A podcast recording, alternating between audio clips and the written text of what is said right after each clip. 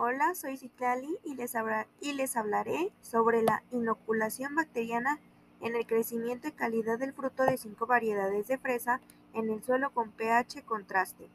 Empezaremos por la salinidad, que afecta negativamente a la mayoría de las plantas agrícolas. En la fresa el pH óptimo es de 4.6 y 6.5. La producción de frutos puede ser inversamente proporcional a la calidad de los mismos puede afectar la disponibilidad de nutrientes, así como la intervención directa en los ciclos biogeoquímicos, así como el caso de la fijación biológica de nitrógeno o la solubilización de fosfatos, esta última debido a la secreción de ácidos orgánicos o de fosfatasas.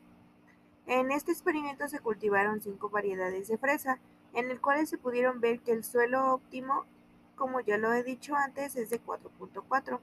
En el suelo 2 fue de 8.8.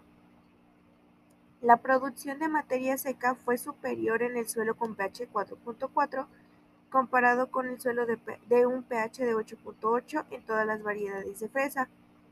Esto debido a que la fresa, al ser cultivada en suelos ácidos, reduce su crecimiento en el suelo con un pH alto, lo cual fue evidentemente en el trabajo la reducción de la producción de materia seca promedio de todas las variedades del pH.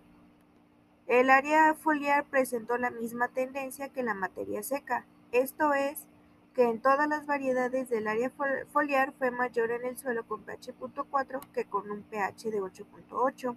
El volumen radical presentó la misma tendencia que el área foliar, el peso seco y para la parte aérea, ya que en todas las variedades el volumen radical fue mayor en un pH de 4.4 que en un pH de 8.8, así como la concentración de nitrógeno, potasio y calcio en la, fue mayor en el suelo con un pH de 4.4 que en un pH de 8.8.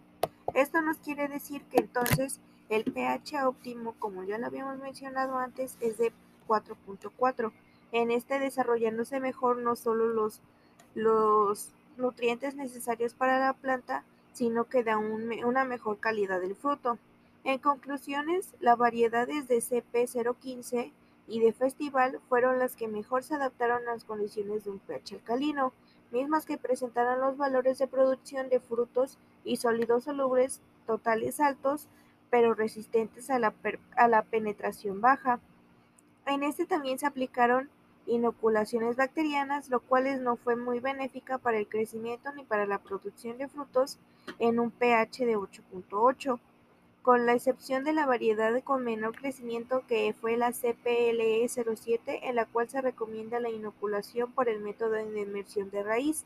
En este tema también concluimos que es mejor que el pH sea un, un pH ácido para que tengan para que no haya un mayor riesgo en el fruto y más si se hace una producción agrícola grande.